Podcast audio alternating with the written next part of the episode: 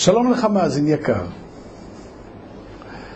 זו לנו לא הפגישה הראשונה, אבל בעזרת השם אני מקווה שזאת תהיה פגישה חשובה מאוד. לכל אדם יש אה, צרכים, ובעיקר צורך להשתייך, להיות קשור לחברה, לאגודה, לארגון, לישיבה.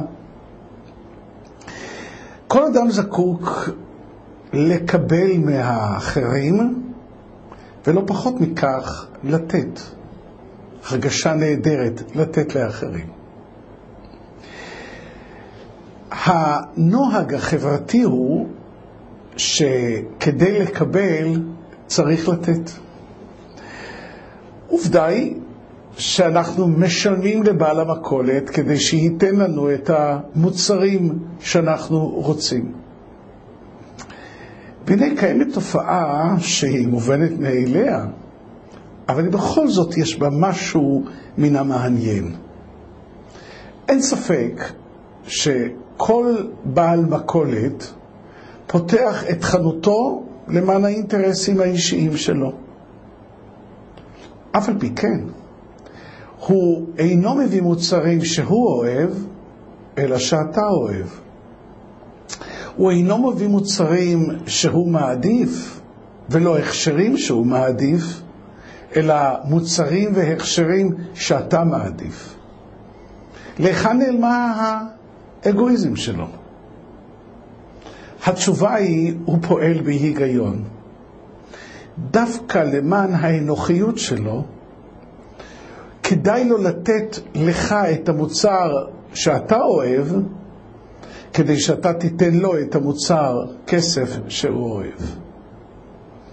כך גם בעל מפעל, הוא אינו מייצר מוצרים שהוא אוהב, שמשפחתו מעדיפה, הוא מייצר את המוצרים שאתה הקונה מעוניין בהם. הוא אמנם אנוכי, אבל הוא לא פועל בדרך ישירה, אלא הוא נותן לך כדי לקבל. בעל חנות שהוא בר דעת, הוא מחייך לקונים, הוא מחמיא לבאים אל חנותו. לא תמיד הוא באמת מרגיש כלפי הקונים את מה שהוא אומר להם, אבל הוא כן אומר להם את מה שהם רוצים לשמוע, כדי שעל ידי זה הם, בלא להרגיש בכלל, הם יעדיפו לבוא לחנותו יותר מאשר לחנות אחרת, שאדיש לקונים ומתעלם מהם, על אף שגם בעל החנות האחרת הוא בעל אינטרס, אבל הוא לא משקיע. אבל באופן עקרוני, כמעט תמיד, ברור שאתה חבר לשכנך כדי שיהיה ידיד שלך. מה שברור מאוד במערכת הכלכלית והחברתית, משום מה כלל לא ברור בחיי הנישואין. מה שברור בחיי החברה שאנחנו משווקים את עצמנו כדי שיתחברו אלינו, במערכת הנישואין אנחנו כמעט לא משקיעים. כן, השקענו פעם. זה היה בתקופת האירוסין. חייכנו, עודדנו, צחקנו, הגבנו, עודנו, והנה, לאחר שעברנו את תהליך הנישואין, הכל מובן מאליו. אין בכלל השקעה כדי לעודד את הזולת לתת. ולמה? אחד ההסברים, כבר שוחחנו על זה פעם, נשאר לנו ברקע דמות של אימא. דמות של קשר, אהבה של אימא. ואנחנו מחפשים בנישואין סוג אהבה כזאת. שייתנו לי וייתנו לי וייתנו לי וייתנו לי מכל הכיוונים, מכל הזוויות, ותמיד מסביב לשעון. ללא צורך להודות, ללא צורך לבקש, ללא צורך להוקיר תודה.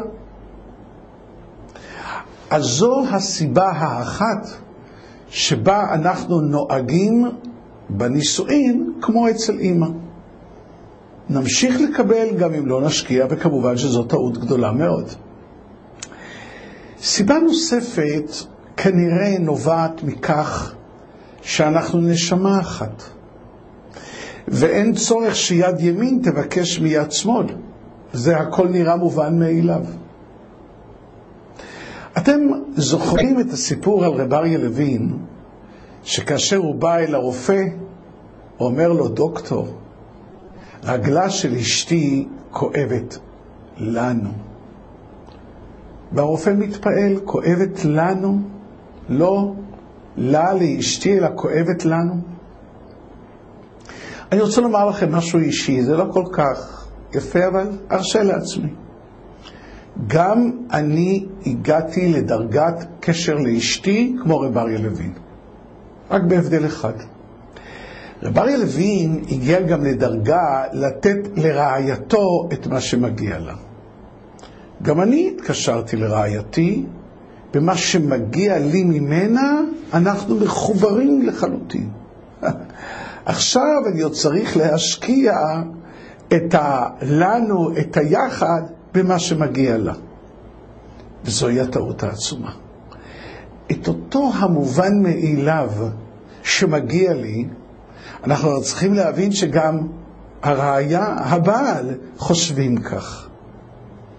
ואותו רעיון שמוליך אותנו בחברה, והוא פועל מצוין, שכדי לקבל צריך לתת, אם נפעיל, ואני מודע לכך שזה לא קל, אם נפעיל את אותה מערכת חשיבה, שאין מובן מאליו, נכון, אתה צובר את כל מה שעשית למען בן הזוג במשך שנים, אבל אין מובן מאליו. אם את אותו רעיון נבין גם עכשיו, בנישואין שצריך להשקיע, הכל יהיה שונה לחלוטין. הנקודה המרכזית שאנחנו מבקשים לדבר בשיחה הזאת, זה איך אנחנו אכן הופכים את הנישואין לשיווקיים יותר, לדבר שיגרום לכך שהזולת גם ירצה לתת לנו בהתלהבות אה, רבה מאוד. רב אהרון, איך אנחנו עושים זאת? אה, מה שכדאי אולי להתחיל בהיסטוריה ישנה. אריסטו שאל שאלה.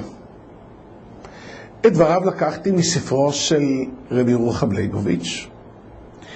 אריסטו עמד על תופעה מעניינת. יש נותן ויש מקבל. יש עשיר ויש עני. כש, כשאנחנו עוקבים אחרי המערכת בין הנותנים למקבלים, בין העשיר לעני או בין ההורים לבנים, אנחנו מזהים תופעה מעניינת מאוד. אנחנו מזהים שהנותן מפתח אהבה למקבל. יותר ממה שהמקבל מפתח אהבה לנותן. והדבר הזה קצת תמוה, משום שכיסו של הנותן נחסרה, וכיסו של המקבל התמלאה. ומדוע זה כך שהנותן מפתח אהבה למקבל יותר מאשר המקבל לנותן? מדוע הנותן נהנה לתת יותר מאשר המקבל נהנה לקבל? והרי שוב, אותו רעיון, הרי כיסו של הנותן נחסרה וכיסו של המקבל התמלאה. במשך הדורות נאמרו מספר תשובות. תשובה אחת מאוד יהודית, לכל אחד מאיתנו יש נשמה, הנשמה דומה לבורא עולם, וכשם שבורא עולם רק נותן ולא מקבל, כך אדם חש מימוש אישי כאשר הוא נותן ולא מקבל, אדרבה, הוא מתבייש כאשר הוא מקבל. אז כאמור תשובה אחת יהודית מאוד, דמיון לבורא עולם, בורא עולם רק נותן ולא מקבל, ולכן גם אנחנו, בגלל הנשמה שהוא נתן בנו, בהיבט מה, כפי שהגמרא אומרת שבחמישה דברים דומה הנשמה לבורא עולם, מרגישים הנאה לתת ובושה בקבלה. סיבה אה, שנייה, מפורסמת מאוד, בשם הרב דסלר, שאפילו אה, כתב אה, משפט מאוד מאוד מפורסם. אומר, בעקבות הנתינה באהבה. כלומר, זה נכון שכאשר אנחנו אוהבים מישהו, אנחנו נותנים לו. אבל עוד יותר מכך, כשאנחנו נותנים לו, אנחנו מפתחים אליו אהבה. כלומר, יותר ממה שבעקבות הנתינה באה האהבה, האהבה באה בעקבות הנתינה. ולמה? הרי אמרנו, הפוך היה צריך להיות, שהמקבל יפתח אהבה אל הנותן, יותר מאשר הנותן אל המקבל. כותב הרב דסלר, דבר שבתחילה אולי ייראה תמוה, לא נאה מספיק. כותב הרב דסלר, אנחנו אוהבים את עצמנו. זו נטייה שנתן בנו בורא עולם. לא רק את האישיות הפנימית שלנו, גם את חוכמתנו, את תבונתנו, את רכושנו, את יכולתנו. אם אנחנו למשל מקדמים תלמיד, הרי הקידום של התלמיד זה אנחנו הנמצא בו. אז אנחנו אוהבים בו את החלק שלנו הנמצא בתוכו. אם נתנו מתנה לאדם מסוים, והרי אנחנו אוהבים את הרכוש שלנו, הרי אנחנו ממשיכים לאהוב כביכול את המתנה המצויה אצל הזולת, שהוא אוחז בה וזה רכושו כרגע, ולכן אנחנו אוהבים אותו. יותר ממה שהאהבה באה בעקבות הנתינה, תיקון, יותר ממה שהאהבה באה בעקבות, הנתינה באה בעקבות האהבה, האהבה באה בעקבות הנתינה. תשובה שלישית נאמרה על ידי אריסטו עצמו. מה הייתה השאלה? העשיר נחסר, לעני התווסף. כותב אריסטו, לא. העני קיבל נחושת, פרוטה, משהו קטן, גשמי, זניח. העשיר קיבל מעלה. בנתינה שלו הוא יתעלה. אז לשאלה מי קיבל יותר, התשובה ברורה לחלוטין. העשיר שנתן שיתעלה קיבל בעצם הנתינה שלו יותר מאשר העני. תשובה רביעית, קצת פחות סימפטית, תחרות. תחרות. אם אנחנו רוצים לתת בצילום של עשרה סנטימטר ביטוי לבניין רב קומות, איך נעשה זאת? בצילום אנחנו מציבים מכונית הניצבת למרגלות הבניין, או אדם הצועד על המדרכה שלפני הבניין. אנחנו יודעים בערך את גובהה של המכונית ואת גובהו של האדם. המוח מיד מנתח את הפרש המימדים בין האדם המכונית והבניין, ואנחנו מתרשמים שבאמת מדובר פה בבניין רב קומות. אם אדם זקוק לנו, עצם זה שהוא זקוק לנו, הוא נותן לנו את התחושה הנהדרת, אני משהו, אני יכול, אני שולט, זקוקים לי, צריכים אותי. אז השאלה, אמנם נכון, הפסדתי את כספי שהרי נתתי לשני, אבל בכך נתתי לעצמי ביטוי של יכולת, של כוח, של שליטה, וזה אחד הדברים שמאוד מאוד חשובים שיש לאדם. אז אבא ונתמצת, למה בעקבות הנתינה באהבה, למה אדם נהנה לתת יותר מאשר לקבל? תשובה אחת, דמיון לבורא עולם, תשובה שנייה, בעקבות הנתינה באהבה, תשובה שלישית, הנותן מתעלה, תשובה רביעית, תחרות. כאן תרשו לי להביע דברים בפן האישי. שנים רבות מאוד, עוד בצעירותי כששמעתי את דברי הרב דסלר, הם לא כל כך היו מובנים לי. אני אולי הייתי מגדיר את זה, כנראה שהייתה לי התנגדות לקבל את זאת. פעמים רבות גם כשהייתי שואל בציבור מה זה אהבה, הייתה נזרקת תשובה פה, שם, נתינה. טוב, אבל לא כל כך קיבלתי את הדבר, משום מה. והשנים עברו, ועדיין אני בסירובי לקבל את, וסליחה, דברי הרב דסלר, החלטתי לנסות את מה שהוא אומר. החלטתי שאני מתחתן כדי לבדוק את דבריו.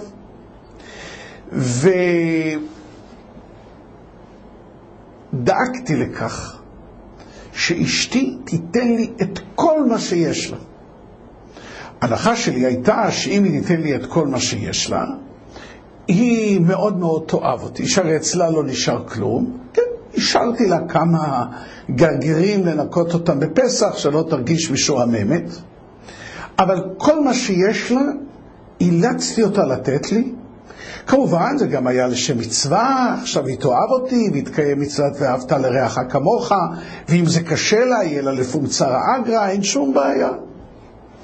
מוריי ורבותיי, אני מודיע לכם שהפעולה לא עזרה. כביכול, הרב דסלר לא צודק.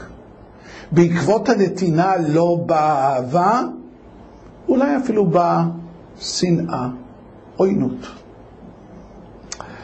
אבל איך אני אתמודד עם הרב דסלר? מלאך עליון, קדוש וטהור. ואתם יודעים את התשובה. ההבדל הוא בדבר אחד, איך הייתה הנתינה? בעקבות הנתינה באהבה, אם זה מרצון. אבל מה יקרה כשזה רק מהסכמה, ומיד אסביר? לא רק שלא תבוא האהבה, אלא תצטבר עוינות ברגשות הנותן. מה ההבדל בין מרצון להסכמה? תרשו לי לומר את זה בפן האישי, זה לא בהכרח כל הדברים נכונים, אבל כדי שניתן לדבר ביטוי. נניח שאני עושה דבר מה בבית שבעצם אני לא רוצה לעשות אותו. אז מדוע אני עושה אותו? הרי אני לא רוצה. אז כאדם שעוסק בכוחות הנפש, אני יכול להבין שכנראה לפני שנים אשתי ביקשה שאעשה פעולה דומה, והתמהמהתי, והיא עשתה מזה עניין, ואני אוהב שקט. אז טופטף למוחי, תשמע, אם אתה רוצה שקט, אשתך רק רומזת לך שהיא רוצה דבר מסוים, בצע את זה מיידית, ואחרי זה תלך לנוח. אפשר לומר שהיא כפתה עליי? לא. לזה קוראים הסכמה, זה לא רצון. והסכמה לא תביא לאהבה, אלא תביא לעוינות. וזו נקודה מאוד חשובה בגלל שהיא קורית יום-יום בין בני זוג. או לחילופין, לעתים אני נמנע מלעשות דבר מה שאני רוצה לעשות אותו. אז למה אני נמנע? כנראה שבעבר רעייתי ראתה שעשיתי את דבר הזה או דומה לו, והיא עשתה מזה עניין רב, שובה במוחי הפקודה. בעתיד, כשתרצה לעשות את הדבר הזה, תתבונן בכל הכיוונים, ימינה, שמאלה, קדימה, אחורה, אם היא באזור או לא, ואם לא, רק אז תעשה, כדי שיהיה לך שקט. שוב אותו עיקרון. מאזין יקר, אולי לא עכשיו, אבל אם תרשה לעצמך לחשוב, תראה כמה פעולות אתה ואני וכולנו עושים יום-יום, לא מרצון, אלא מהסכמה. וגם אם אנחנו יכולים לעשות את הפעולה הזאת, היינו מעדיפים לעשות אותה בזמן אחר, או בצורה אחרת, באופן שונה. כל פעולה שהאדם עושה לא מרצון, היא לא משמחה, היא לא תביא לאהבה לבן הזוג. עכשיו נבין מדוע אנשים שנראים מאוד מאוד דומים זה לזה. ואנשים אומרים לי, יש לנו את כל הסיבות לאהוב אחד את השני. אבקש לומר שאחת הסיבות היותר אפשרויות, אתה כמאזין מאוד מבין אותי, ואתה אומר, כן, נכון, יש דברים רבים מאוד שאני עושה, ובעצם אני לא רוצה לעשות. אבל אולי נבין שגם בן הזוג שלנו, בדיוק כמונו, לנו זה נראה מאוד מובן מאליו, ואני אדבר על זה אחר כך אולי, מה שאנחנו מבקשים ממנו. מאוד מובן מאליו שהוא צריך לעשות את מה שאנחנו מבקשים. אבל הוא בדיוק כמונו. הוא חש שכופים עליו. וממילא הוא צובר עוינות כלפינו, עוינות דקיקה. בגלל שאם זו הייתה עוינות בוטה, היינו מרגישים ומשנים משהו. כפי שאנחנו מתנהגים, מתנהגים יפה בעסקים, בהתנהגות החברתית בין אדם לחברו, שם אם טעינו בלשוננו, אנחנו מיד רגישים, מיד מרגישים, מיד מבקשים סליחה, משום שלא נעים לנו להתגלות כאנשים שאינם אנשים הגונים, נכבדים, מכובדים. ארשה לעצמי לשאול עוד שאלה. האם תמיד קבלה היא בושה? כן? הנה מישהו מביא לנו מתנה. זה מביך. זה מביך משום שאני חש שאני דווקא מעוניין בה, ואני לא רוצה שהוא ירגיש שאני דווקא נהנה מזה. כאילו זה איזה חיסרון, חולשה שאני נהנה שמביאים לי מתנה. אבל אני אומר לו, היית צריך להביא, אני הייתי צריך להביא לך. אבל להגיד שאם מישהו נותן לי מתנה, אז אני מרגיש מושפל? לא. ואנחנו הרי בברכת המזון אומרים, ועל תביאנו לא לידי בשר ודם, ולא לידי הלוואתם, שלא נבוש, לא סתם, ולא ניכלם, לא סתם, לעולם ועד. אז למה אנחנו אומרים שקבלה זו בושה? הכל אמת. תלוי מה מבטא את הקבלה. אם הקבלה מבטאת את הנחיתות שלי, אז באמת זו בושה. אם הקבלה, כשנותנים לך מתנה, מבטאת את היכולת שלך את זה שהמתנה שהעניקו לך זה ביטוי למה שנעזרו בך.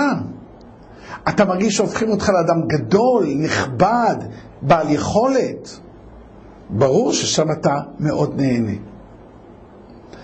אז בעצם, יש פה אומנם הרבה מאוד פרטים, אבל ננסה לראות אם נוכל לסכם אותם.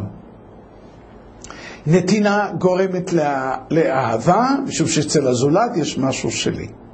זה הכל בתנאי שהנתינה היא מרצון לתת.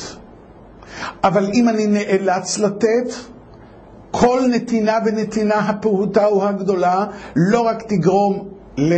לא רק שלא תגרום לאהבה, אלא היא תגרום לעוינות. אותו דבר, אם הקבלה היא מזהה את החולשה שלי, הרי ברור שאם היא מזהה את החולשה, אז אני מרגיש לא טוב כלפי מי שהיטיב עמי. הסיפור המפורסם על החתם סופר, שפעם אמר, ריבונו של עולם, איזה טובה עשיתי ליהודי הזה שהוא כל כך שונא אותי, שהוא כל כך שונא אותי. למה הייתה לו, וזה באמת נכון, אני, אם אני מקבל ממישהו, יש פה ביטוי לחולשה שלי, לנחיתות שלי, אני מרגיש עם זה מאוד לא טוב. מה אם כן צריך לעשות במערכת חברתית? ואנשים עושים זאת, ולא להרגיש בכלל. כל פעם שניתן לזולת, ניתן לו את ההרגשה שאנחנו נותנים לו ורוצים לתת, ולא רק נאלצים לתת, ולא, בכלל לא עושים לו טובה שנותנים, אלא אנחנו מרגישים חובה לתת לו, ואז הוא ירגיש גדול. כלומר, כל המערכת הזאת בנויה אחרת, והמקבל מן הראוי שייתן תחושה לנותן, עשית לי טובה שנתת לי. לא היית חייב לתת לי, אלא עשית לי טובה. אני אתן לכם את זה בדוגמה שמאוד מאוד קורית בחיים רגילים. אולי אספר לכם סיפור לפני 60 אה, שנה, דבר שאולי מאזין מבוגר אולי עוד זוכר. בכל עיר, שנהיה בריאים, היה, הייתה קופת חולים של ההסתדרות, במרכז העיר, במרכז הרחוב הראשי. היית נכנס לקומה הראשונה ופונה לאולם גדול ששם היו עומדים בתור. בסופו של האולם דלפק ותורים. רופא כללי, רופא אף אוסת גרון, רופא כירוג, מעבדה, ותור אנשים עומדים בתור. היום, כשילד חולה, אז אימא שלו הולכת בשבילו לקופת חולים. פעם היינו בוגרים יותר, היו שולחים אותנו לבד לקופת חולים. ילד קטן, שני אנשים מבוגרים, מלפנים, מאחור, ובכלל זה המולה מאוד מעניינת, רחש, גחש, כולם מדברים, כועסים על האדם הזה שמדבר שם עם הפקידה ומעכב את כולם, וכמובן שכל אחד שמגיע, שוב הוא מדבר. ומעבר לדלפק יושבת פקידה, כמה פקידות, אני מדבר על פקידה אחת שהייתה בתור שלי, מלכה בגדוד. מדוע אני מכנה אותה כך? משום שכל הזמן שמעת אותה. אדוני, אה, תפתח את החלון, אדוני, תדליק את הוונטילטור, אדוני, תכין את הטפסים, אדוני, אל אה, תצעק, אדוני, כל הזמן שומעים אותה. והתור מתקדם, והאדם שלפניי כבר מגיע אל תורו, ואני ככה מגיע עם עיניי, אוזניי עד שפת הדלפק, וסקרן. ואני שומע שהעומד בתור אומר לה, פקידה, שלום. המלכה בגדוד כבר, איזה עננה של חיוך יש על פניה. את עובדת מאוד קשה, הוא אומר לה. והיא אומרת, והכל כמובן החיוך מתרחב, נו בשביל זה אני כאן. אומר לה, תראי, אני, אני חושב שאת יודעת לנהל את העניינים בצורה יוצאת מן הכלל. והאדם המבוגר הזה, שהוא מכובד והוא רוצה להיטיב עם הזולת, אינו מרפה ואומר, אה, תראי, אה, גם אני עובד עם אנשים, זה לא קל. אז היא אומרת לו, והחיוך מתרחב, בשביל זה אני מקבלת כסף. והוא אינו מרפה ואומר, תשמעי, אני יכול ללמוד ממך איך לנהל דבר כזה. והיא אומרת לו, אדוני, אני פה בשביל לשרת אותך. המלכה בגדוד כבר מכנה את הזולת אדוני, והיא מוכנה לשרת אותו. הוא נתן לה תחושה שהיא מלכה בגדוד. תיקון, שהיא מלכה לא רק בגדוד. כן, זוהי המערכת שאנחנו רגילים אליה. או אולי תרשו לי סיפור דמיוני כמובן. אני מזהה שהשכנה מהקומה העשירית בביתנו מסתובבת עם כוס ריקה בחדר המדרגות. אני מחליט לעקוב ולראות, מילא אין לה זמן לשתות, הייתה שותה בחדר מדרגות, אבל כוס ריקה זה באמת מסקרן. אני מחליט לעקוב אחריה ואני רואה שהיא נוקשת בדלתה של שכנתה, השכנה פותחת והיא אוחזת את הכוס ואומרת, היי, איזה בגד. וכמובן חיוך רחב על פני הפותחת של הדלת. כן, מה את רוצה? אז אוחזת הכוס אומרת לה, תראי, אני מאוד מאוד זקוקה לכוס חלב, משום שהילדים מאוד זקוקים, והרופא אמר שמאוד חשוב שהם ישתו, והמכולת הייתה אה, סגורה, ובעלת הבית אה, לא מקשיבה עד הסוף, ונעלמת, ומביאה שקית חלב. ואומרת לנוקשת בדלת, קחי שקית. קחי שקית. ואוחזת הכוס אומרת לה, לא, לא, לא, לא, רק כוס. והיא אומרת, קחי שקית. אז בסוגריים אמרו לי, למה הוויכוח? משום שכוס חלב לא צריך להחזיר ושקית חלב צריך להחזיר. טוב, זה לא הסיבה האמיתית כמובן. והוויכוח, קחי כוס, היא אומרת שקית, וכוס ושקית, ו... בסוף בעלת הבית אומרת, תעשי לי טובה, קחי שקית. שמעתם מי עושה פה את הטובה? בגלל שהמבקשת נתנה תחושה של אני נחיתית אלייך, אני זקוקה לך, את יכולה לעזור לי, גם השקעתי בך, החמאתי לך לבגד. והשכינה מפתחת עוד יותר רצון לתת. זוהי דרך שאנשים באמת נוהגים בו בחברה, בלי שמתכננים אותה בכלל. זה פורץ ספונטני מהם. אה, אם זה היה הדבר שהיינו עושים בבית. ואנחנו קרובים לבית זה לזה יותר מאשר השכנה לשכנתה. ואי אפשר להגיד שהשכנה שדיברה על הבגד גם תכננה להגיד, לא, זה פרץ ממנה. בגלל שמונח לנו במוח שכדי לקבל צריך לתת.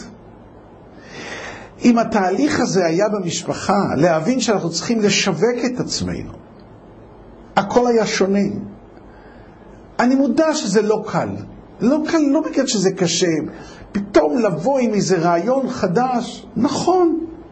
רק לא התרגלנו, אז צריך להתרגל לדבר כזה, זה הכל. נרגיל את עצמנו לפנות בצורה הזאת, ואז יהיה לנו הרבה יותר קל.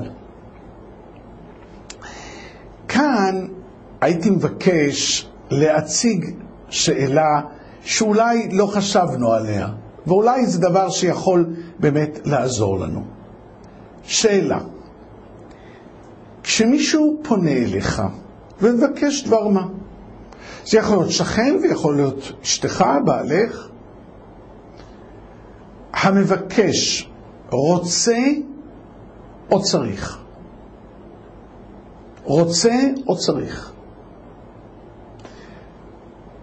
קשה לי לקרוא את מחשבותיך, אבל אני מעריך שכמו כולם, הגעת למסקנה צריך. מה זה משנה? הרי תראה, ברור שיש הבדל עצום בצורת הפנייה שפונים אלינו בין רוצה לצריך.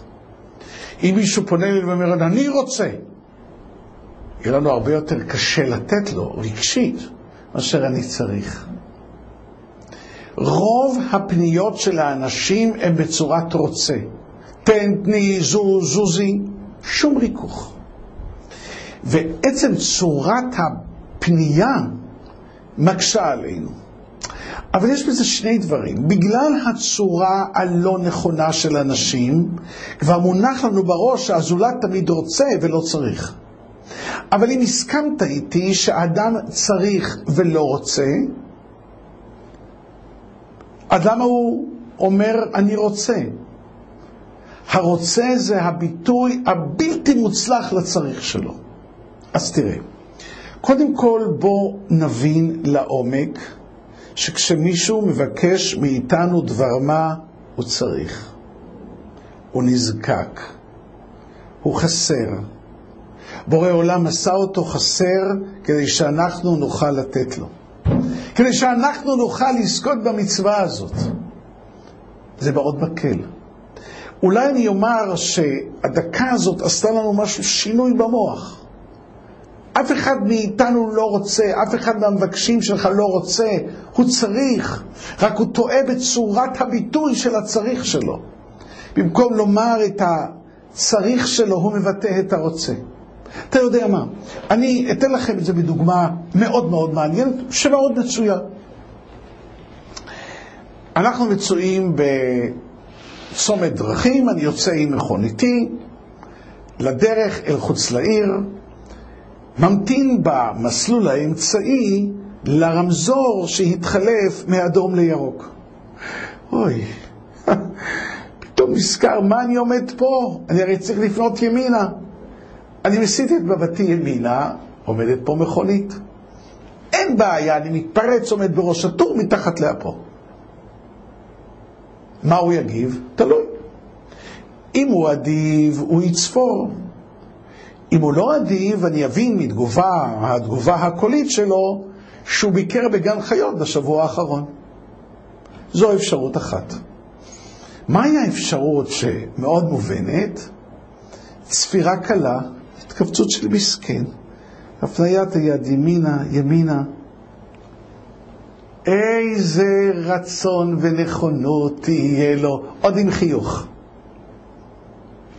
מדוע בפן הראשון הוא רגז, הגיב ברוגזה, ומדוע בפן השני הוא ממש נהנה לתת? הרי בשני המקרים, יכול להיות שהוא גם היה מאחריי, הוא הבחין שטעיתי. מה ההבדל? מדוע הוא מגיב כך וכך? התשובה היא, כשהתפרצתי, שידרתי לו, אני רוצה. הוא, כמוני, כמו אשתי, כמו כולנו, מורכב מחיה ומלאך. חיה ומלאך. ברגע שהתפרצתי, שידרתי לו, אני רוצה. גריתי את גורם החייתות שלו, גורם התחרות שלו. אם אתה רוצה, אני לא רוצה לתת לך. ברגע שהתכופפתי, המוח שלו בתת מודע קלט, הוא מבין שאני זקוק לו, אני מסכן, יש פה מישהו צריך. ובמוח עוברת לו המחשבה, אני אוהב לעזור לנזקקים. אה, זה אתה רבי? בבקשה. הוא נהנה, הוא שבע רצון, משום שהוא מלאך, נשמה זה מלאך, הוא מרגיש שהוא יכל לעזור לנו, לתת לנו. זוהי הדרך הנכונה שבה אנחנו צריכים לפעול באופן קבוע. לתת לשני את התחושה שהוא זה שיכול לעזור, הוא זה שיכול לסייע, הוא החזק, הוא זה שאנחנו נזקקים לו. נכון? מי שבעל אה, רגשי נחיתות לא יכול לתת לשני את ההרגשה שהוא היכול. מי שאין לו ביטחון עצמי, קשה לו. מי שיש לו ביטחון עצמי, יכול לעשות זאת. תן לזולת את התחושה שהוא משהו, שהוא גדול, שהוא ענק, ואז תוכל להשיג את כל מה שאתה רוצה. מדוע באמת קשה לאנשים לבקש? או מדוע קשה לאנשים להודות? רבי צוקוטנר, זכר צדיק לברכה, אומר שבעברית המילה תודה, יש בה שתי משמעויות. תודה מלשון ביטוי להוקרת טובה, ומלשון אני מודה, במקביל כמו מודה באשמה. הפעם אני מודה שבאופן שלא הייתי רוצה בו, נזדקקתי לך, נזקקתי לך. אתה הוא זה שיכלת לעזור לי, ואני הוא זה שנזקקתי. אז אנחנו אמורים לשנות את כל הכיוון של צורת הבקשה. מוריי ורבותיי, אני מבקש לומר, זה רק עניין של הרגל. נכון שבפעם הראשונה אנחנו צריכים ממש לחשוב איך לומר, אבל מה, אתם לא מכירים אנשים שבאופן טבעי אולי לא קשה לך, אולי לא קשה לך, אודה לך, טבעי. בואו נראה מה שאשלה הקדוש אומר שעלינו לעשות. בספר בראשית, פרק ל"א, פסוק ג', אחרי עשרים שנות סבל של יעקב אבינו, הוא מחכה יום-יום, לילה-לילה, שבורא עולם ירשה לו לשוב אל בית אל, אל אביו. והנה החזון הזה מגיע. ויאמר השם אל יעקב, שוב אל ארץ אבותיך ולמולדתך ואהיה עמך. הבשורה הענקית מגיעה. הוא שולח לקרוא לרחל וללאה כדי לומר להם, אני מתאר לעצמי שיש להתארגן במהירות כדי לצאת מיד לדרך. והנה זה פלא. אם נעיין בפסוקים, הוא בכלל לא אומר להם שיש לצאת לדרך. שמונה פסוקים הוא משחזר את התלאות.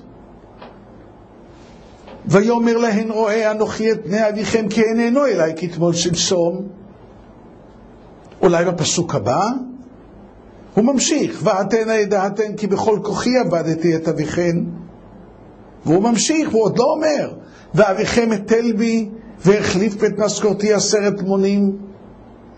הוא ממשיך ואומר, כל מה שעשיתי והדברים לא פעלו, עוד פסוק ועוד פסוק ועוד פסוק. רק בסוף.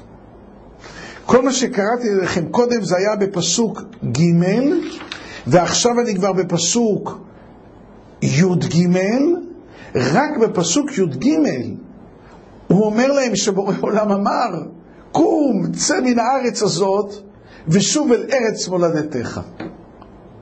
תשע פסוקים מקדישה התורה לתיאורים, ולמה יעקב לא אומר מיד לצאת? הרי, הרי זו בשורה לא מציאותית, זה היה צריך לפרוץ מתוכו. למה הוא עצר את עצמו מלומר? השלה הקדוש מתייחס לנושא.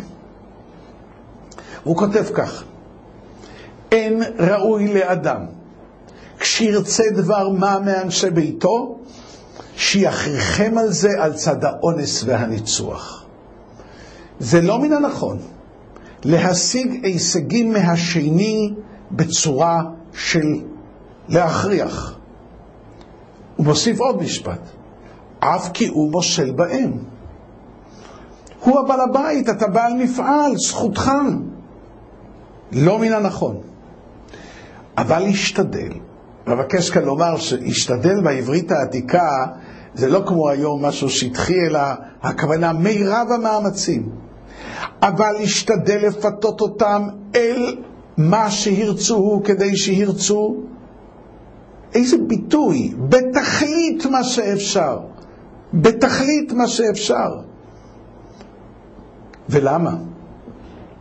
כדי שיתעוררו לזה מעצמם, שזה יהיה רצון עצמי ולא רצון של מישהו אחר. כי זהו יותר טוב משיעשו זה על צד האונס וההכרח. ראה כמה הרבה יעקב דברים עם רחל ולאה. למה? כדי שיתרצו בטוב לב, שהנכונות תהיה עם המרצה פנימית. הוא מסיים במשפט חשוב. ואף על פי שהקודש ברוך הוא ציווה לו שישוב לביתו. מה צריך יותר מאשר לומר לרחל וללאה? הקדוש ברוך הוא אמר שאפשר ללכת, והם כבר היו בדרך על הגמלים. לא. ולפעמים אני חושב, הרי במידה מסוימת, מה הוא רצה לפי השלה הקדוש? שהרצון יהיה אישי שלהם. רגע, אבל אולי הפוך. אולי שזה לא הרצון שלהם, אולי בגלל שבורא עולם אמר. ברור שהם הולכים לפי מה שבורא עולם אמר, אבל בעצם ללמוד מהנושא הזה כשאתה רוצה ממישהו משהו, גם אם זו מצווה, גם אם זה מגיע לך, גם אם זה מן הנכון לעשות, תמיד תגרום לזולת שהוא ירצה לעשות את הפעולה הזאת. איי, אשרינו שזכינו להיות יהודים, כך ללמוד מהי הצורה הנכונה שבה אתה פונה אל הזולת כדי להשיג. אבל הדבר הזה קרה גם אצל אברהם אבינו. התורה מספרת לנו בתחילת פרשת לך לך, ויהי כאשר הקריב לבוא מצרימה, ויאמר אל שרה אשתו, הנה נא ידעתי, כי אישה יפת מראה את.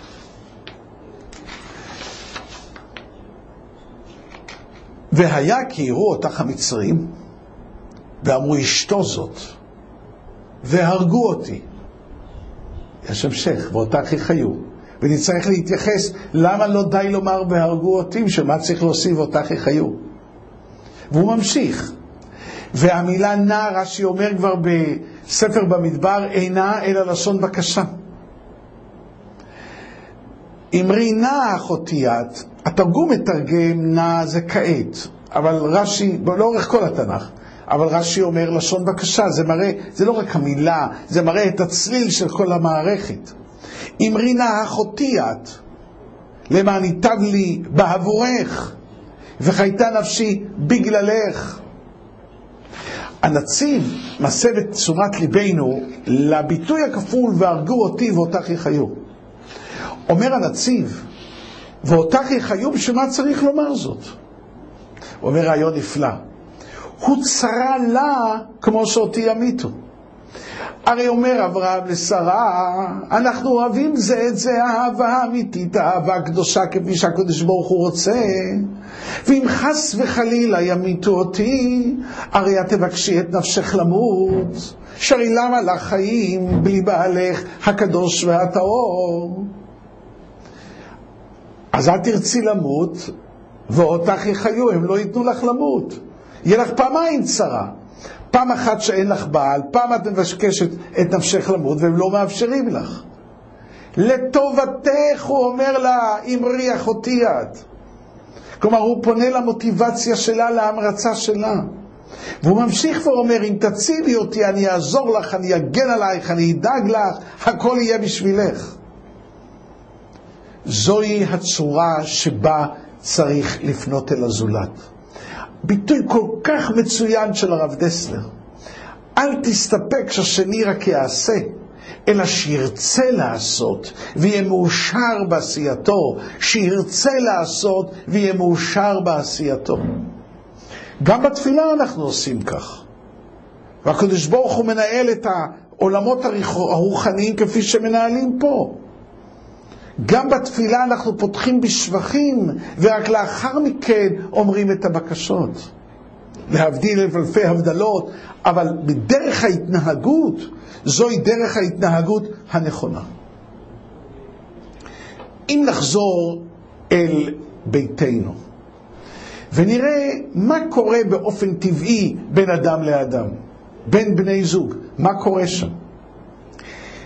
מרוב הרגל לחיות אחד עם השני, בני זוג לא מרככים. נניח שאישה רוצה שבעלה יהיה יותר בבית. היה נכון שתאמר לו, אתה כל כך חשוב לי, אני כל כך מחבבת אותך, אתה תורם כל כך הרבה לילדים, זה מאוד חשוב שתהיה בבית. אני לא מדבר על אם הוא הולך ללמוד, ודאי שהיא רוצה, לעומת זאת, אתה חושב שהחברים שלך הם חשובים לך יותר מהבית שלך? העסקים שלך יותר חשובים לך מאשר הבית שלך? בפן השני שהיא אמרה, הוא מבין, אשתי תלותית, לא מסתדרת לבד, היא, היא רוצה שאני אהיה פה שוטר בבית, הנה השוטר הגיע. לא, דברי אליו ברוך, תסבירי לו כמה הוא חשוב לך בחיים, כמה זה תורם, וזה דבר ש... יבלוט בצורה יוצאת מן הכלל. בכל שטח שהוא אנחנו רואים את, הת... את התהליך הזה. תמיד כשאנחנו רוצים משהו, נבקש. ואבקש לומר, לבקש זה לא רק במילים. אם תעקבו אחרי שפת הגוף, יש הבדל בין אדם מבקש לאדם דורש. תשימו לב שכשאדם מבקש, תמיד ידיו פתוחות. כשאדם דורש, תמיד איזה מין, כאילו גב היד כלפי הזולת. כשאדם מבקש, פ, תמיד פניו פתוחות. כשאדם דורש, תמיד פניו קבוצות. כשאדם מבקש, הוא מבקש לאט. כשאדם דורש, הדרישה שלו נאמרת מהר. זאת אומרת, גם אם אנחנו נדבר מהר, במילים הכי נמלצות, הזולת בתת מודע שלו קולט דורשים ממני. יש אה, דבר מאוד מפורסם, שבסתירה בין שפת הגוף למילים, שפת הגוף מנצח. למשל, אם אני אגיד בישיבתי, אה, אני אהנהן בראש, ואני אומר, אני לחלוטין מתנגד לתופעה הזאת.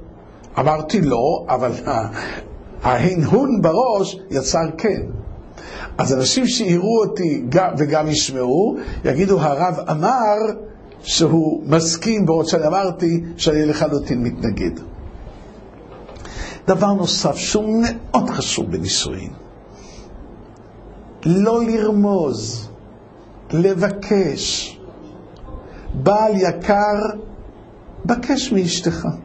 מה אני מתכוון לרמוז? תראו, אם למשל אישה רוצה שבעלה ילך לחנות לקנות משהו, אז פעמים רבות היא עומדת לידו ואומרת, אוש, כל כך קשה לי וכל כך כואבת לי הרגל ואני לא יודעת איך אני אלך, בקיץ יש כל כך חם בחוץ, או אם בחורף, איזה גשמים יש. גברת, את רוצה שבעלך ייגש למכולת? תאמרי לו. יש לך בעל מקסים, רק אם תגשי אליו בצורה הנכונה, שווקי את עצמך בצורה הנכונה. או אם הבעל בא הביתה ואומר, אוש, כמה אני צמא, אוש, כמה אני צמא. בעלי, אתה רוצה לשתות? תאמר. אשתך תשמח מאוד לתת לך. תאמר לה. אל תהסס. נקודה מאוד מאוד חשובה. אה, כאן הייתי אומר אולי עוד דבר מאוד חשוב, וזה קשור יותר לתחילת הנישואין. אה, פעמים רבות אנשים מוכנים לעשות, לעשות דברים רבים בבית, אבל לא רוצים שהמטלה הזאת תעבור לחלוטין לאחריות שלהם. אז צריך להתחשב, תהיה חכם. נניח שאני רוצה לבקש מאשתי, מבעלי, דבר מסוים.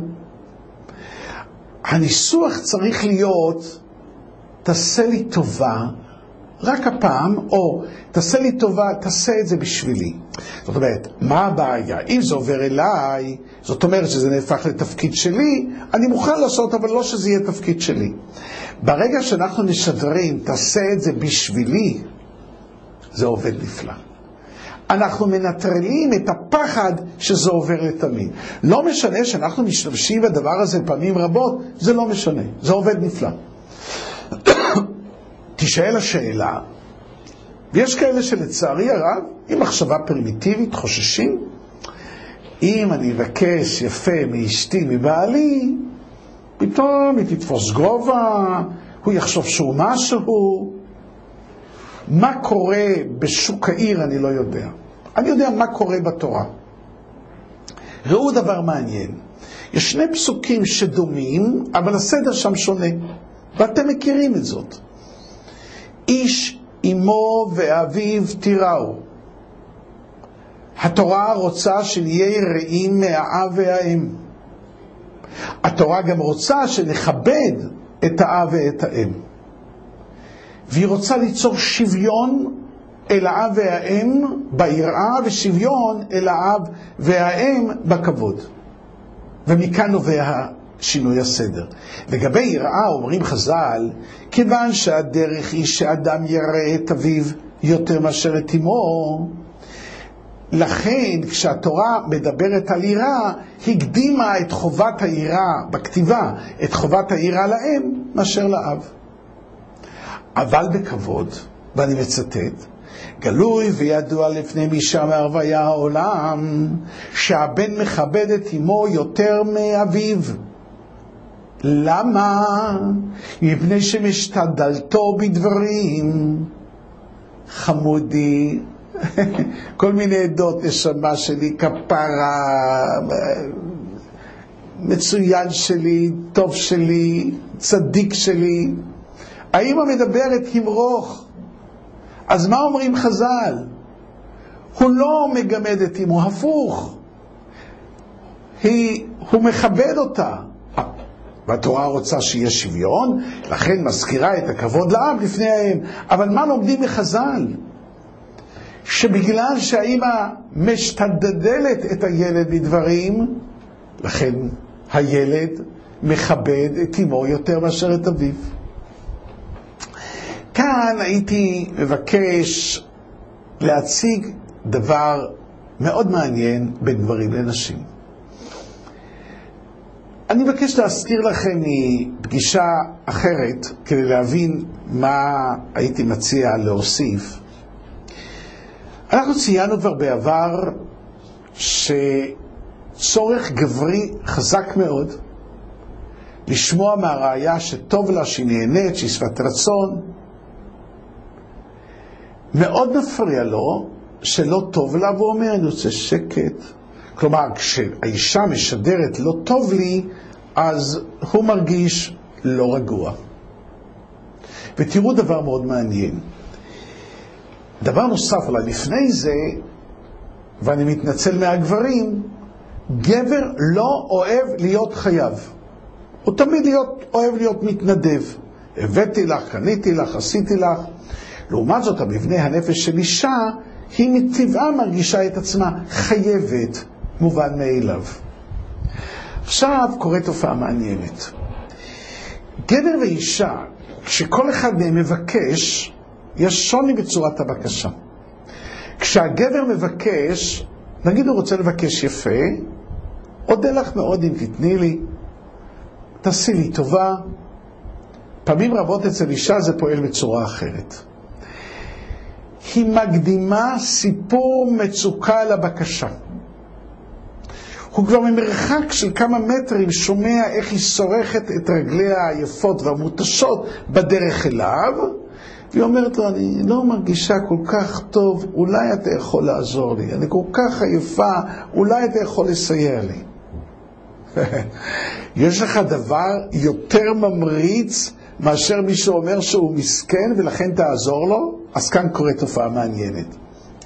במחקרים מתברר שכשגבר מספר לאשתו שאני במצוקה ואני צריך עזרה, המוטיבציה שלה היא מאוד חזקה.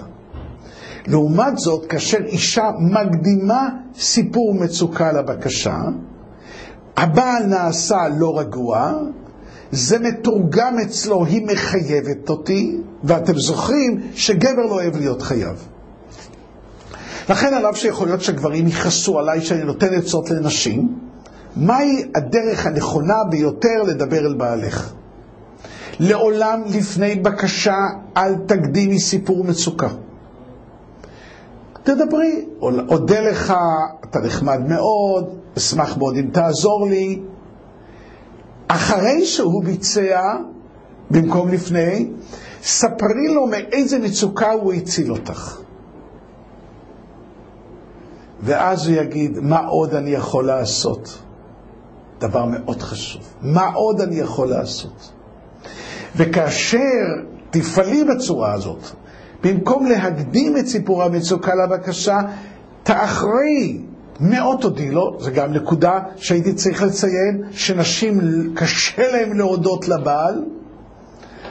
זה לא בא מרוע לב, בגלל שהן גם לא מצפות לתודה, בגלל שנראה להן הכל מובן מאליו. אבל תשווקי את עצמך, תודי מאוד לבעלך על כל תזוזה. זה יגרום לו רצון עז לעשות עוד ועוד. ובעיקר ספרי לו מאיזה מצוקה הוא הציל אותך. זו נקודה אחת. נקודה נוספת שהיה כדאי לציין, זה תשומת לב דווקא של נשים. אני יכול לשאול גבר, תאמר לי, מדוע אתה מדיח כלים? אז גבר אחד אומר לי, אני רוצה שקט. אוף. גבר אחר יאמר לי, אני רוצה שלאשתי יהיה טוב. עכשיו, מה קורה כשאישה מבחינה שבעלה, נקרא לזה חבר שלה, מטיב לה, מדיח כלים או עוזר בבית, היא מפתחת, מפתחת קשר אליו. מה קורה לאישה שמרגישה קשר לבעלה? זורם לה רצון עז לשתף אותה במצוקות שלו. אז היא מספרת לו מצוקות, עכשיו תעשו חשבון. הוא עוזר לה כדי שהיא תספר לו כמה טוב לה. כשהיא רואה כמה הוא טוב אליה, אז היא מספרת לו כמה קשה לה. החלטה, מה שאני אעשה לאשתי אף פעם לא יהיה לה טוב. אישה יקרה, לעולם אל תספרי לבעלך מצוקות בצמוד לדבר חיובי שהוא עשה. הפוך מכך, אם את מסוגלת, ספרי לו דברים טובים מעבר לתודה, ואז הוא ירגיש, כדאי לעזור לאשתי. יש לה מצב רוח, וזה בעצם ממלא אותו צורך עצום. הייתי מבקש לצרף כאן עוד נקודה שכדאי לדעת בנתינה והלקיחה. פעמים רבות,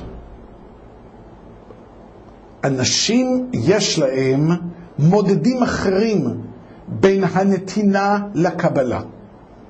ניקח משהו קיצוני. נניח בעל יושב, קורא עיתון, רבקלה, אולי את מוכנה להכין לי כוס תה? אם אנחנו נבדוק מה במחשבתו של הגבר, מה ביקשתי? לא.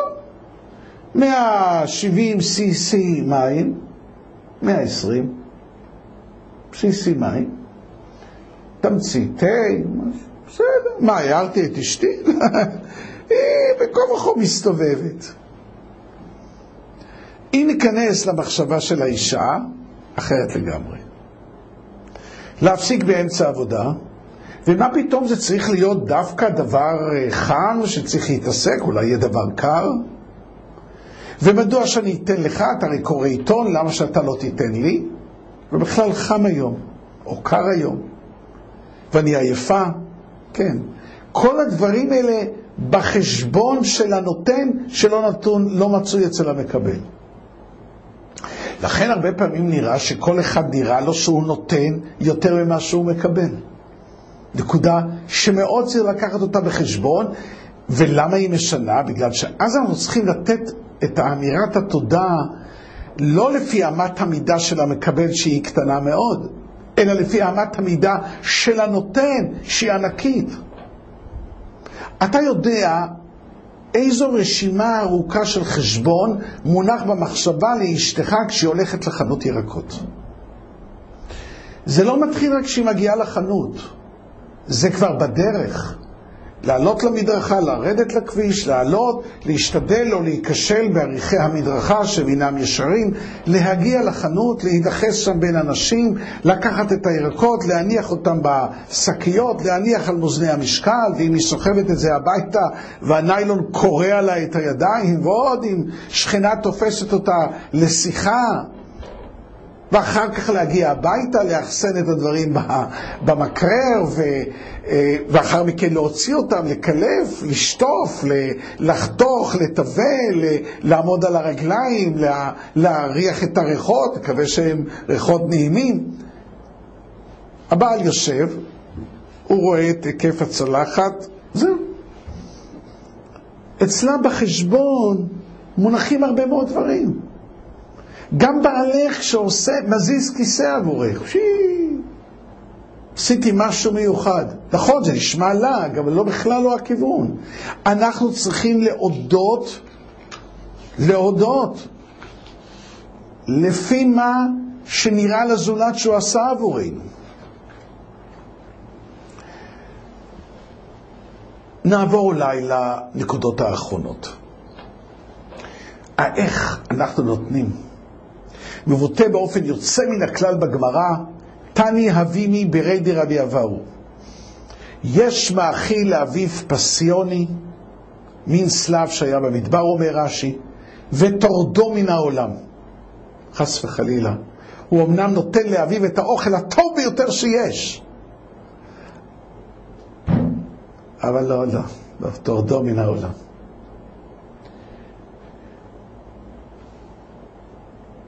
הוא נותן לאבא לאכול, ואבא שואל, בני, מאיפה יש לך את האוכל הטעים הזה?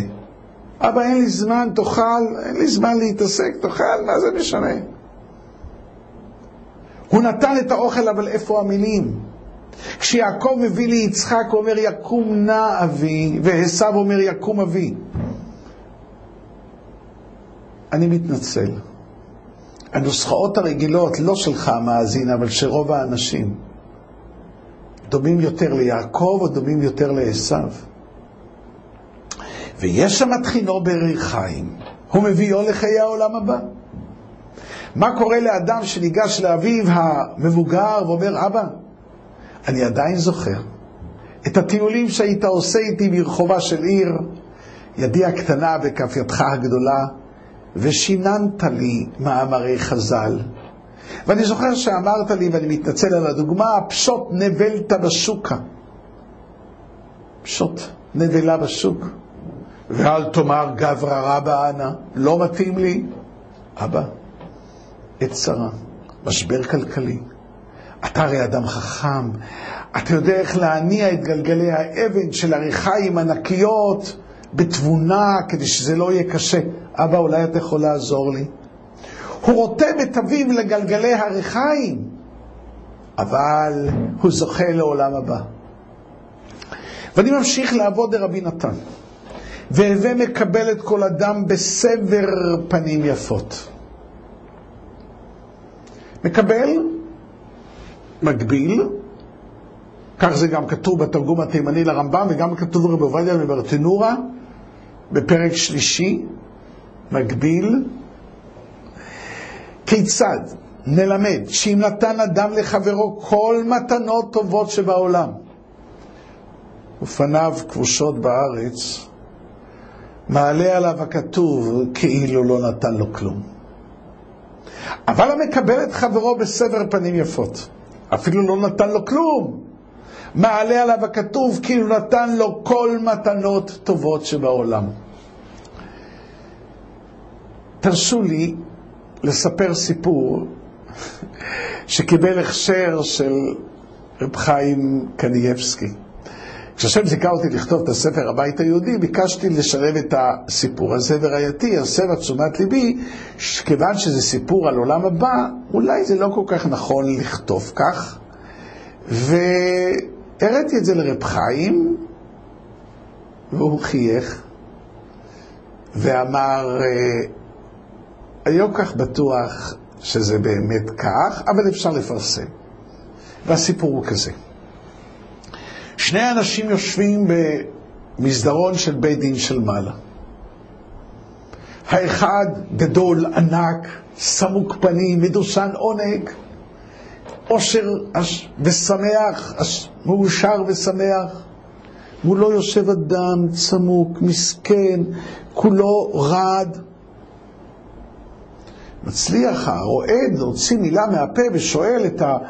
האדם המדושן עודג, אתה, אתה, אתה לא יודע איפה אתה נמצא פה, אתה, אתה לא יודע שאתה פה בפתח של בית דין של מעלה, ועוד מעט יקראו לך, ואתה רק מצוות עשית, לא עשית אף עבירה. מחייך אליו עוד יותר מדושן העונג ואומר, שאלה טובה שאלת אותי. ואספר לך, אדם עשיר הייתי.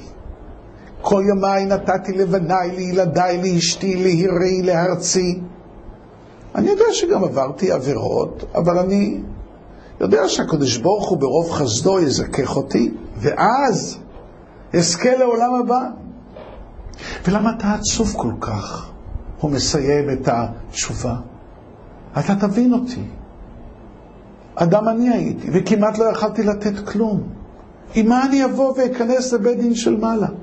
ואת שיחתם קוטעת קריאתו של מזכיר בית הדין, שמכניס את המדושן עונג פנימה, והשמחה שלו היא גדולה, אבל לעומתו קם הקטגור, ואומר לו, פונה לסנגור ואומר לו, את האדם הזה, אתה מסכים איתי, שצריך להוציא אותו מכאן מיד, ולא לגן עדן.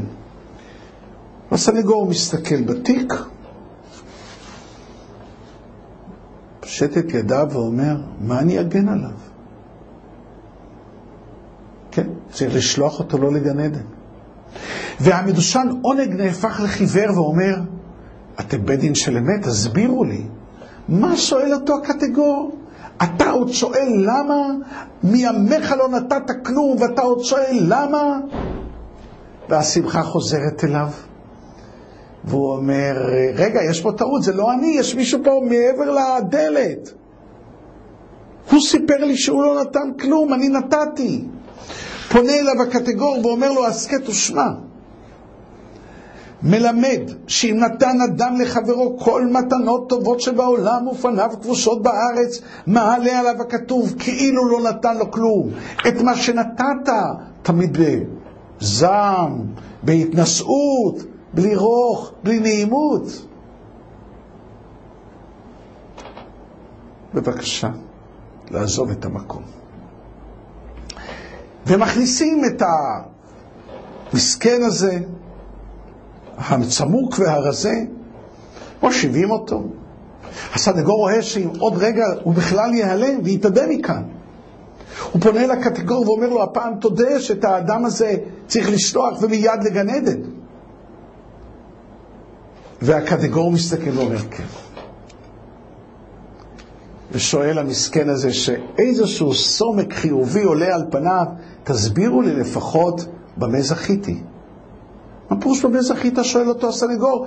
אדם שנתן כל ימיו שואל, והמסכן הזה מתעלף. מעוררים אותו, מה קרה? זה לא אני, היה פה מישהו אחר.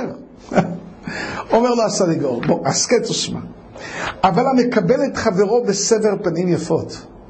אפילו לא נתן לו כלום. מעלה עליו הכתוב כאילו נתן לו כל מתנות טובות שבעולם. את הקצת שנתת, עם איזה מאור פנים, עם איזו חביבות, עם איזו התחשבות בזולת, ישר לגן עדן. ואני מבקש לומר לכם שהסיפור הזה מתסכל אותי. למה? תראו. אנחנו מצויים בעיר שיש בה הרבה מאוד גמחים.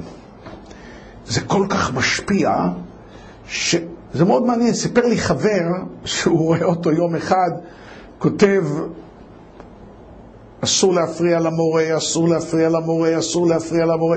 מוישלה, מה קרה? התפרעת? הוא אומר, לא, זה בשביל הגמח של הכיתה. מה קרה? הילדים זיהו שהרבה שלהם, המורה שלהם, יש לו איזה מין עונש קבוע מאה פעם. אז, ולא משנה, הוא נותנים לו, הוא מסתכל, מכניס לתיק, טוב. אז הם החליטו שכל ראש חודש, כל ילד חייב להביא לכיתה דפים עם מאה פעם, אסור להפריע למורה. עכשיו ילד מתפרע, המורה מעניש אותו, תכתוב מאה פעם, הוא לוקח מהגמר, נותן לרבה, הרבה אפילו לא מסתכל, מכניס לתיק. תראו איך זה משפיע. אה, אבל רק זה משפיע. אישה ברחוב שלי החליטה שהיא גמח. היא שמעה על איזה גבר שאין מי שיטפל בילדיו, היא ביררה באיזה שעה הוא יוצא בבוקר לתפילה, מוקדם מאוד. כשהוא יוצא היא נכנסת, מעירה את הילדים בעדינות, זה הרי לא ילדים שלה, צריך בעדינות, ומעודדת אותם להתלבש מיד ולצאת, בינתיים היא פונה למטבח, מכינה להם משהו לטעום, צעידה לבית הספר. היא עצמה משמשת כמורה בבית הספר השכונתי. וזה דבר מדהים, היא קיצצה את שעות ההוראה שלה כדי שתספיק לשוב הביתה כשהילדים מגיעים ולקבל אותם. היא עושה את זה כבר שש-שבע שנים. יום-יום, קיץ חורף, ימי לימודים, ימי חופשה. על אף שבי הילדים לא מודה לה ולפעמים יש לו תלונות. מרוב התרגשותי סיפרתי את זה לחבר, אומר לי, תשמע, יש לי שידוך בשבילה. מה פירוש שידוך? אז הוא אומר, תשמע, ברחוב שלי גר גבר שהחליט שהוא גמח. הוא שמע על איזו אישה שאין מי שיפרנס אותה, הוא החליט שאת כל משכורתו, חוץ מדברים קטנים שהוא צריך, הוא ייתן למשפחה הזאת. וכך הוא עושה. הוא אפילו מגיע לפעמים, הוא לומד עם הילדים, לוקח אותם לבית הכנסת. והם uh, התחתנו.